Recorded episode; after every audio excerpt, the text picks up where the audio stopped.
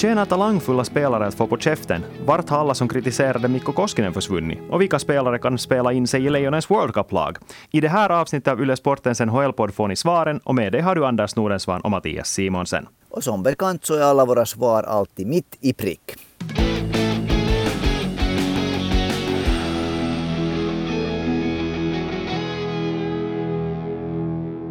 Vi ska ändå börja med att konstatera en glädjenyhet ur finlandssvenskt perspektiv. Och det är förstås att Anton Lundell är tillbaka på isen. Han var genast på hugget för Floridas del på veckoslutet. Ja, just det. Han var där med om att göra Floridas första mål mot New Jersey på lördag kväll. Han fick sen till slut inte en assist från det målet, men det var nog mycket tack vare honom att, att situationen blev av. Och sen gjorde han nu direkt i sin andra match efter comebacken ett sånt här riktigt bra mål, som man säger heads up, det vill säga han såg returen som kom och satte in pucken i mål och då var det så att för det som vann igen och Anton Lundell var starkt med och bidrog till det. Och när det snackas om Anton Lundell så finns det ett samtalsämne som vi tydligen inte kommer förbi hur vi än försöker. För eh, det är nämligen så att vi får in frågor om eh, ska vi säga, det, det mest omdiskuterade priset i NHL just nu, åtminstone i svensk Finland. Det är kanske helt logiskt i och med att det är en finlandssvensk spelare som för en gång skulle är aktuell för ett pris, alltså Calder Trophy som delas ut till årets rookie.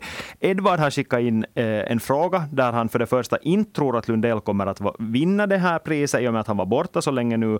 Själv tippar han på Moritz Seider, men vem tror vi att skulle vara Calder aktuell? Är Anton Lundell till exempel nu, om han skulle få en riktigt jätte, jättefin avslutning på säsongen?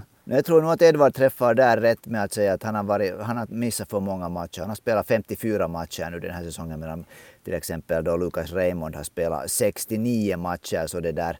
det är nog så att, att Lundell, tack vare att han inte har spelat tillräckligt, så är han åtminstone ute från den diskussionen. Och så är han nog en spelare som trots allt, trots att det går bra för Florida, trots att alla, alla snackar om Florida för tillfället, så är det ändå lite ett sånt här lag som, ska man säga, som det är andra spelare som hypas där. Att hans spelsätt är sånt som inte, inte liksom når till rubrikerna, det har vi talat om tidigare. Att det är helt enkelt så att hans styrkor kanske inte riktigt uppskattas på samma sätt. Men vad tror du om den här tippningen att det är Moritz Seider som skulle ligga bäst till i den här rankningen just nu? No, Moritz Seider skulle ju vara på det sättet logiskt att han är ju faktiskt jättebra. Han hade därför som en back, en, en, en rookie-back har han stått för 44 poäng nu på 69 matcher i och för sig usla Detroit. Jag är väl nog av den åsikten att det där på grund av att det handlar också om marknadsföring så tror jag nog att Trevor Seagrass i Anaheim med sina 78 sorromål som han redan har gjort den här säsongen så är ganska, ganska omöjligt att det där att förbise när det sen gäller att välja Calder. Ja, alltså jag, jag sa ju senast, eller min tippning var ju senast det att, att Austin Matthews och Michael Bunting skulle kamma hem de här, pri, de här tyngsta priserna då för ligans mest värdefulla spelare och årets rookie. Men jag måste nog säga nu att det lutar nog mot Seagrass, man kommer inte förbi det. Det här andra sorromålet var ju nog kanske ändå det som visa att han nog är det här ansiktet för hockeyn i Anaheim just nu. Han är ansiktet för den här årets rookie-kull ändå. Det, det, blir, det är nog svårt att förbise honom. Tror du att han är ansikte också nästa år när det kommer ut igen en ny version på, på det där konsolspelet? det kan mycket väl vara. Det kan mycket väl vara. Men hej, när vi nu börjar snacka Segras så måste vi också snacka det som hände i matchen mellan Anaheim och Arizona Coyotes, som ju blev en enorm snackis. Det att Anaheim ledde med 5-0, det blev lite gruff framför Arizonas mål och det resulterade sen i att Jay Beagle flög in och crosscheckade Segras i ryggen. Troy Terry försökte stå upp för sin lagkamrat, men åkte på en ganska ordentlig... Han fick nog stryk om vi säger som så. Det här är ju någonting som har diskuterats väldigt mycket nu i efterhand. Fula scener ska vi säga nu. Det här, speciellt det här att Troy Terry blev slagen upprepade gånger av Jay Beagle efter det att alla såg att, att han redan var helt groggy. Så det där, om det nu finns några fair play-regler i ett slagsmål det där, så, så det där, vilket det kanske nog finns, så det, där, det var nog mot alla fair play-regler. Att det där att att dunka till en kille gång på gång som var liksom egentligen oförmögen att försvara sig själv i det skedet. Och här finns nu några olika infallsvinklar gällande hela den här situationen, men om vi börjar det som kanske väckte mest eh, diskussion på Twitter, åtminstone direkt efteråt, så det var det var den här eh, Arizona, det var alltså Arizona Coyotes hemmamatch, vilket innebär att den här tv-sändningen produceras också av deras team, som ju i NHL ganska ofta drar hemåt, det ska sägas. Och den här expertkommentatorn där som heter så mycket som Tyson Nash, också tidigare hockeyproffs, så han tyckte då någonting som många, eller fick många att se rött när han sa att om du spelar ett sånt spel som den här Anaheims kedja med Segras och Terry gör, som gör jätteflashiga saker, gör Zorro-mål, på det sättet förnedrar möter sina motståndare, att då ska du vara redo på att också lyfta knytnävarna vid behov. Och det här har många svårt med och jag hör nog också till den skaran som har svårt med de här kommentarerna. Och såklart, det är ju fullständigt vansinnigt att man ska slå någon på käften för att den gör snygga mål.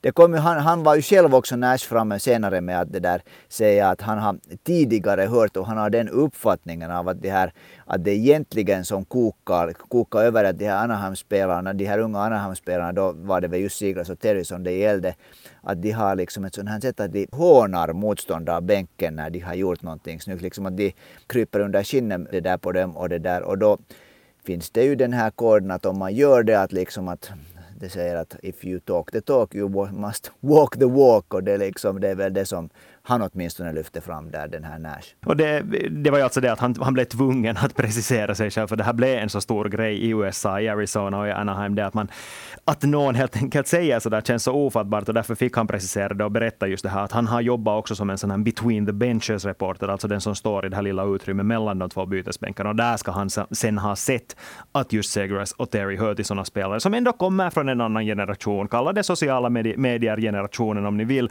men från en sån generation där det lite kanske hör till till och med att vara lite sådär fräck och, och kanske lite vrida kniven i såret. Speciellt när det ändå handlar om ett hett möte som det är mellan Anaheim och Arizona. De spelar i samma division, de möter varandra flera gånger per säsong. Det finns alldeles garanterat ont blod, eller bevisligen finns det ont blod mellan de här lagen. Så, så då kan jag också förstå att, att, att spelare som Segras och Terry känner sig inte nu tvungna, men de känner sig kanske lite lockade att, att vara lite fula på det sättet. För inte kan jag ju heller säga att jag understöder sånt här beteende, men men samtidigt så känns det också som att det är någonting som i dagens unga generation kanske har mer förståelse för än då den här gamla skolans hockeylirare, dit vi ändå väl får konstatera att Jay Beagle hör. Jag måste väl säga att för det första, för när det där sa vi i början, ska, ska man få på käften för att man spelar eh, skickligt, så nej, det är ju såklart inte så. Men, men sen är det ju nog lite inbyggt tycker jag i ishockeyn att om du verkligen liksom så att säga gräver blod från näsan och, och det där hånar motståndarna så, och sen räkna med att det där för att du är en stjärna och en skicklig spelare och inte en spelare som är känd för ditt fysiska spel så är det ingen som gör någonting åt dig. Det där. Så okej, okay, man kanske kan säga då skulle man kunna ordna någon debatttillfälle var både sån roast och båda skulle håna varandra hela tiden. Men det, det är lite svårt att det där fixa. Så det där, jag skulle säga att om du gör det liksom. Det, nu kom det också fram att åtminstone här Nash påstod att de har ett sätt att uh, slå, slå målvakten med klubbor, att liksom skuffa till målvakten med, med klubban efter avblåsningar som, som jag inte vet sen alls om det stämmer eller om det bara var förklaringar. Men nu är det väl lite så att om du liksom hånar din motståndare så får du räkna med att det kommer någonting till, till, liksom tillbaka i posten också, i returposten. Och det där händer ju hela tiden. Det händer i varje match, flera gånger. Det är att man lite petar med klubban på mål, eller no, vissa gör det mer uppenbart än andra, men det händer ju hela tiden att man lite går och hackar till med klubban på målvakten efter att målvakten har lagt blocken på pucken på isen. Ungefär sådär. Men, och det var ju det som hände i, det här också, i den här situationen också, att Segras gjorde det. Det var det som fick Beagle att crosschecka honom i ryggen och efter det så steg Terry in och slog honom honom med handsken på, vilket ju förstås är en viktig detalj att minnas. Så han slog med handsken på honom i ansiktet. Då tappade Beagle fattningen och sen släng, själv slängde handskarna. Och här kommer vi sen till det som jag tycker att är ganska intressant. Alltså det var Anaheims tränare Dallas Eakins sa efteråt. För han, det som han sa går ändå att tolka så här mellan raderna som att han egentligen har förståelse för att Beagle reagerar som han gjorde. För det var han sa att jo, att det var, det var bra att vi stod upp för våra lagkamrater, men samtidigt är det också på varje spelares ansvar att känna till vem som är inne på isen. Att Terry i den där situationen då kanske då går att tolka nu som att Eakins säger att Terry borde ha fattat att Beagle är inne där. Och om du går in i den där situationen, det där som man talar om en scrum, att man går in i det där mötet, det där lilla brottningsmatchen framför kassen och du börjar slänga knytnävsslag fast du har handskarna på, så då kan det gå snett ganska snabbt. Slår första slaget då ännu i det här fallet. Det där. Men, men, vi hörde, jag får fråga dig en, en sak ännu som jag alltid lite reagerar på. Jag tycker att nu var det ju två amerikanska stjärnor som, eller som det här snackade, och, och, och Troy Terry en amerikansk spelare. Tror du att det skulle ha blivit en riktigt lika upprörd diskussion om det skulle ha varit det där till exempel en skicklig finsk spelare, en skicklig svensk spelare som skulle ha först slaj och sen fått på käften. Så tror du att det skulle ha varit lite så här att hej, att, att européerna får lära sig hur det spelas ishockey i Nordamerika? Jag tror att det skulle ha funnits röster, utan att nämna namn, Don Cherry, som mm. tycker sådär. Men jag tror nog ändå att diskussionen skulle ha sett likadant ut. För nu ska vi ändå minnas det att alla verkar ju vara överens om att det gick för långt. Att det att Beagle Ja. kastar handskarna där liksom, det, det är inte att gå över gränsen, det är att han fortsatte mörbulta honom efter att alla såg att Terry inte mår bra och att han i värsta fall kan ha krossat hans liksom, något ben inne där, vad heter det, vid tinningen.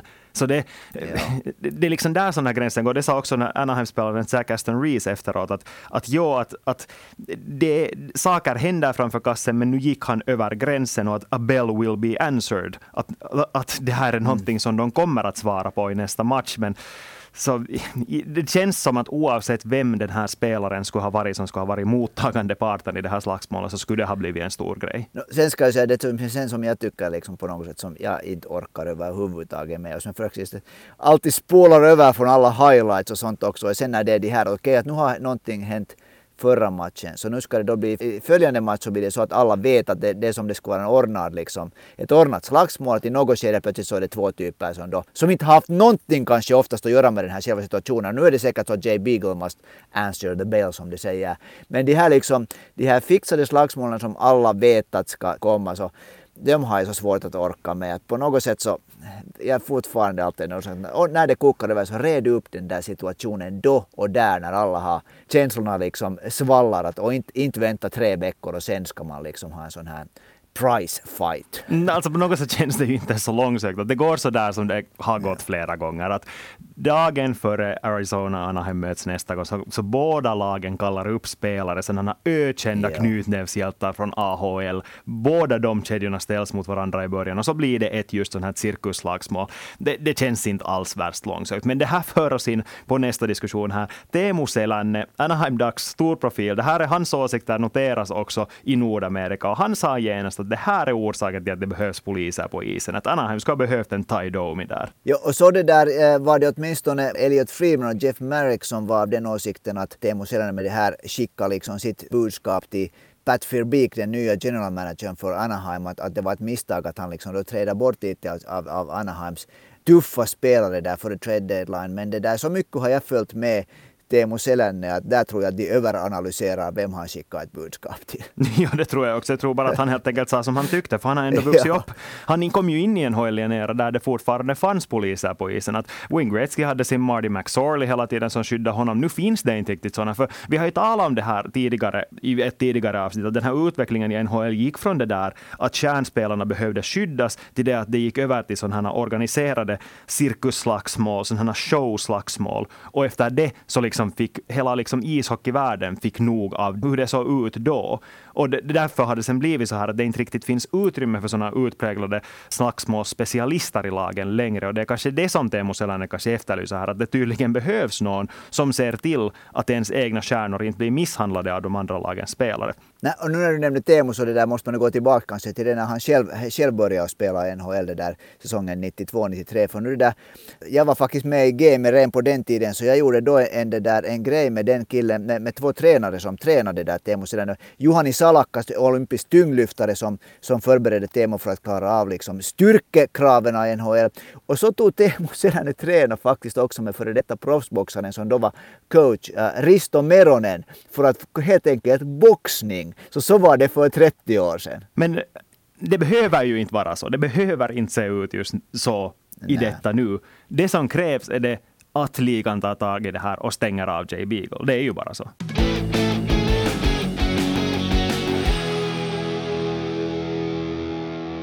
Men vi går vidare till Edmonton Oilers, som igen ser ut som ett lag som man till och med skulle kunna ta på allvar i slutspelet. Nej, inte i slutspelet. Come on Mattias. Inte på allvar i slutspelet. Du kan inte mena. Nej, alltså, jag bara lyfter fram att de har varit väldigt bra den senaste tiden. Jo, okej, okay, resten av Stillahavsdivisionen, Pacific-divisionen, har varit jättedålig. Det finns en orsak till att eh, till exempel Anaheim och Arizona är så frustrerade som de är.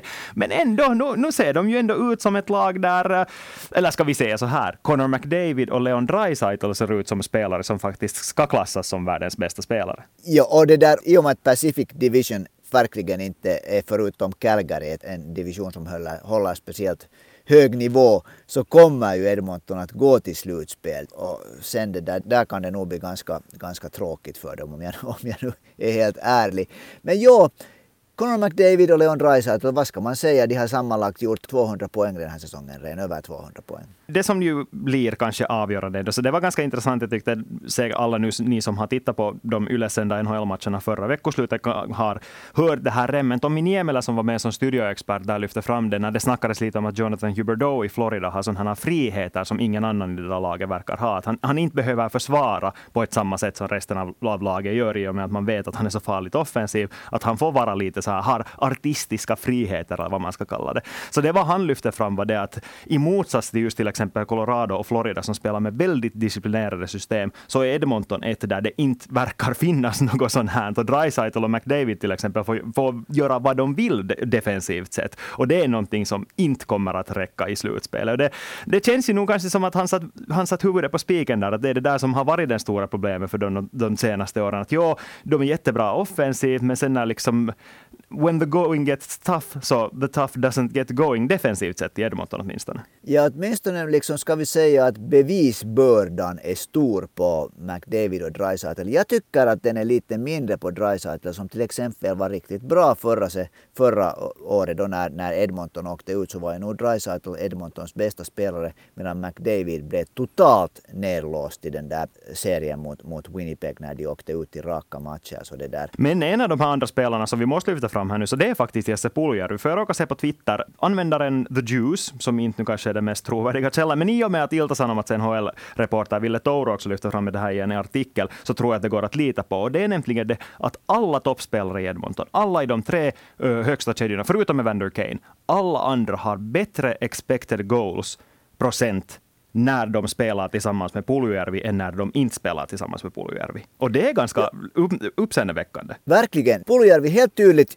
no, just det att han gör sina medspelare bättre. Och det som nu Toru också då tog fram där, att, att, att orsaken är att han jobbar så fruktansvärt hårt. Och liksom, och, no, han har gått den här, nu måste man nu lite nu lyfta den här finländska, finländska hockeysvansen här, att det där att i Finland skolas spelare på det sättet att ishockey är ett spel som består av försvarsspel och anfallsspel. En, en ständig eh, utbyte av, av, av det här anfallsspel till försvarsspel och spel med och utan puck. Och emellan tycker jag nog att alla ens de här liksom toppspelarna inte riktigt på samma sätt är, det där skolade som, som de killarna som kommer från Finland. Men hej, det finns en annan finländare där också som vi måste lyfta fram, för det är faktiskt så att Mikko Koskinen har varit bakom många av de här segrarna. För nu är det ju så att, ja, det slinker in puckar, men samtidigt gör han nog fantastiskt viktiga räddningar också. Precis, alltså Mikko Koskinen, och när du sa där i intron att det där att vart har alla försvunnit som, som skäller på Mikko Koskinen, så de har nog inte försvunnit någonstans i Nordamerika, utan de väntar bara på att det ska gå en puck in bakom och då hoppar de fram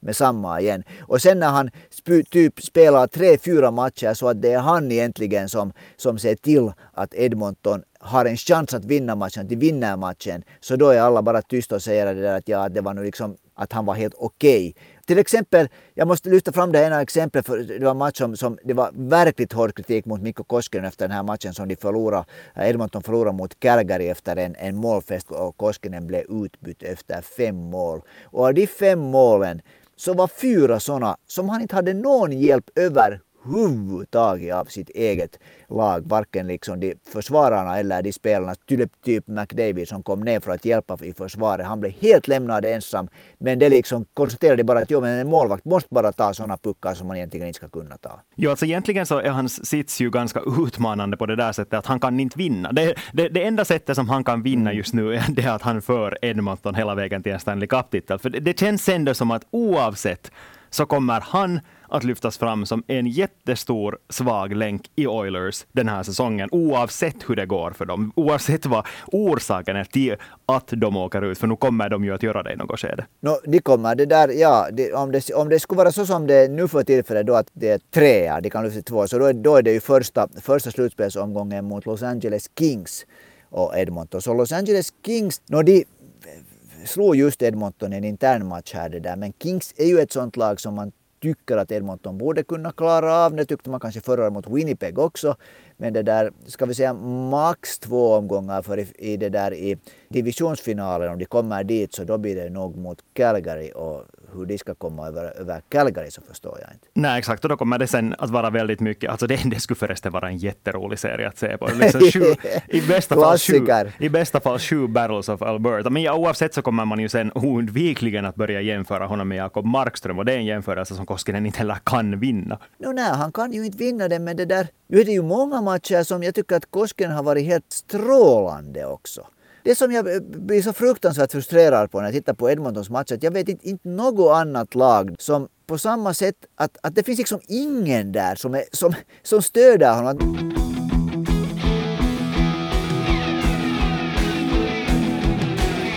Vi går vidare till några andra frågor och nu ska jag påminna er om att om du har en fråga så skicka in den på Ylesportens Instagramkonto eller per mail till svenskasporten.yle.fi.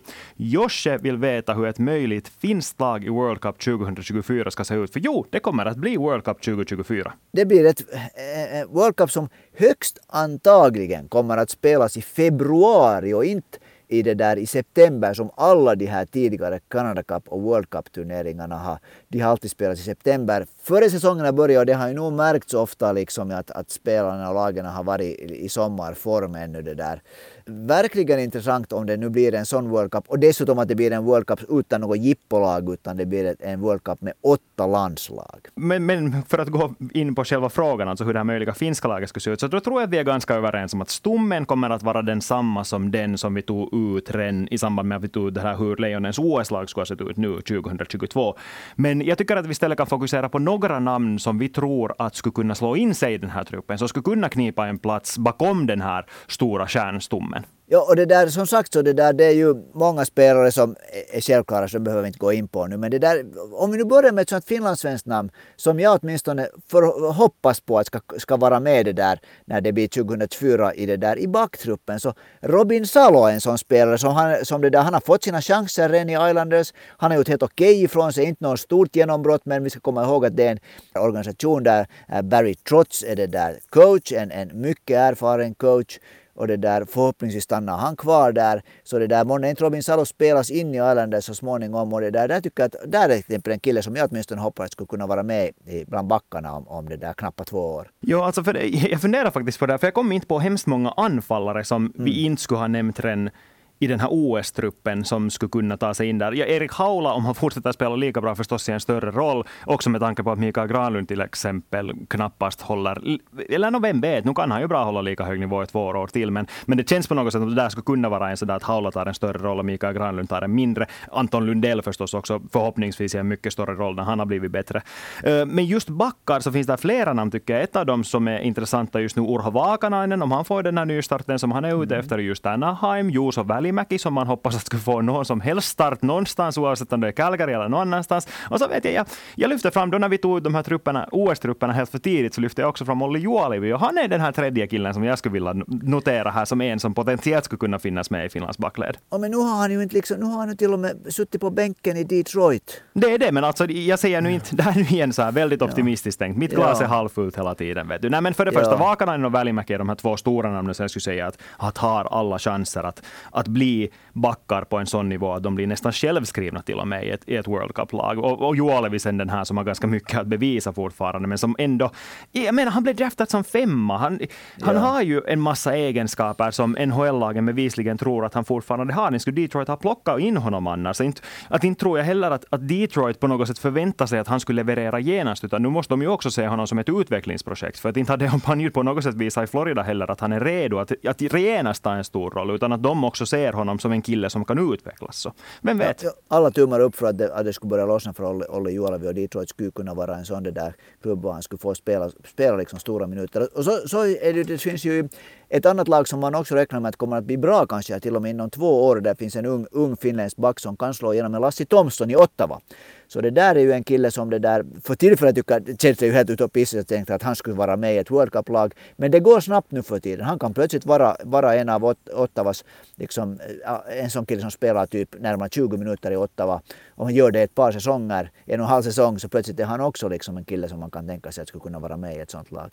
Vi går vidare till Samis fråga. Han undrar vilka Lejon spelare som skulle kunna vara VM-aktuella. Alltså nu antar vi då att det är NHL-spelare som det handlar om. Och nu finns det en vissa... Uh, Henry Joki har ju för det första sagt rent Iltason om att, han är intresserad. Philadelphia kommer inte att spela och Rasmus Ristolainen borde åtminstone vara intresserad med tanke på allt han sa före OS. Arizona, där finns en viss målvakt som Harry Sateri, Mattias Marcelli kan också vara. Att nu finns det ju redan namn. Vilka ska du lyfta fram? Nu Sateri är väl det där självklara namnet var med det där att eh, nu vet jag inte hur är det med det, det där farmarlaget där att löper han någon risk för att spela, för att spela länge i farmarlag. Men Sateri tycker jag att det är ju helt själv, självklart det där.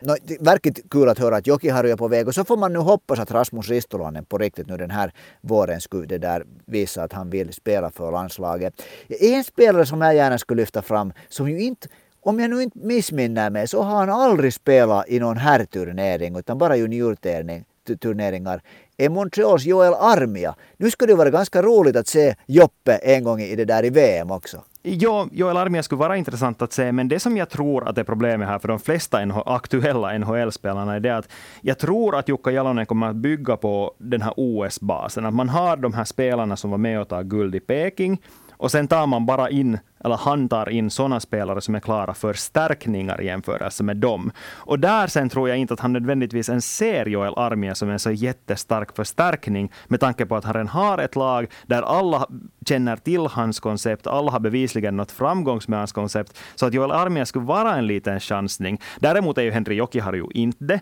Eh, målvakterna Harry Säteri, nu ska vi också lyfta fram att Kevin Lankinen högst antagligen inte kommer att spela något slutspel med Chicago, trots att de ännu matematiskt sett har en möjlighet att göra det. Jonas Donskoj är ett gränsfall, just i och med att hans säsong har varit så usel så här långt. I den östra konferensen, Janne Kuokkanen skulle jag jättegärna se i ett VM, men också till och med med honom skulle jag vara lite skeptisk.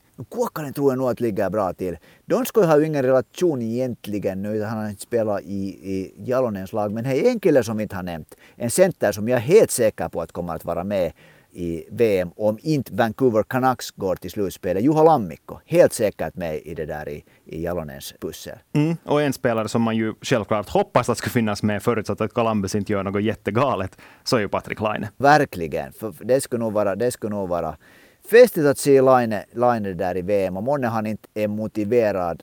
Visserligen så ja, han har ju en kontraktsförhandlingar framför sig den här sommaren. Det är ju det. Men samtidigt hemma-VM i hemmaorten Tammerfors, så jag menar. Ja, ja man tycker ju det. Och sen är det två lag som är intressanta. Nu kan det hända sen att båda ändå går till slutspel. Och det eh, det där med wildcard och det är Nashville och Dallas som är i samma eh, Central Division och båda kämpar om slutspelsplatser. Så där är det nog en, en mängd med intressanta finländska spelare om någondera eller båda av dem av någon outgrundlig orsak blir utanför slutspel. Men vi tar och avslutar med att svara en, eh, besvara en sista fråga. Det gäller faktiskt Harry Säteri. Det är liksom undrat hur kan Arizona plocka Säteri från Toronto när de redan hade skrivit kontrakt med honom? Och det är helt enkelt så att för att plocka in eller för att få ta in spelare från Europa mitt i säsongen så måste de placeras på den här listan som kallas waivers-listan. Och det här är en lista därifrån alla andra lag, börjandes från de lag som är sämst i tabellen, får frågan att vill ni ha honom istället? Och om de säger ja, jag vill faktiskt, vi vill faktiskt ha honom, så då får de ta honom och ta åt det där kontraktet som Toronto redan har skrivit med honom. Och den här regeln härstammar ju, vi har tagit upp det en gång tidigare här, härstammar från det där våren 1987 när Edmontons Glenn Sather, eh, GM för, för det där Edmonton, plockade in finska kärnbacken Reijo Ruotsalainen från Bern i schweiziska ligan direkt till Edmonton. Och det har kallats liksom inofficiellt för Lex Ruotsalainen det här för de andra lagen gillade inte alls, speciellt inte New York Rangers som då ägde Ruotsalainens rättigheter. Och med det tar vi och sätter punkt för det här avsnittet av Yle Sportens NHL-podd. Vi är tillbaka igen nästa vecka. Tack och hej och ha det bra!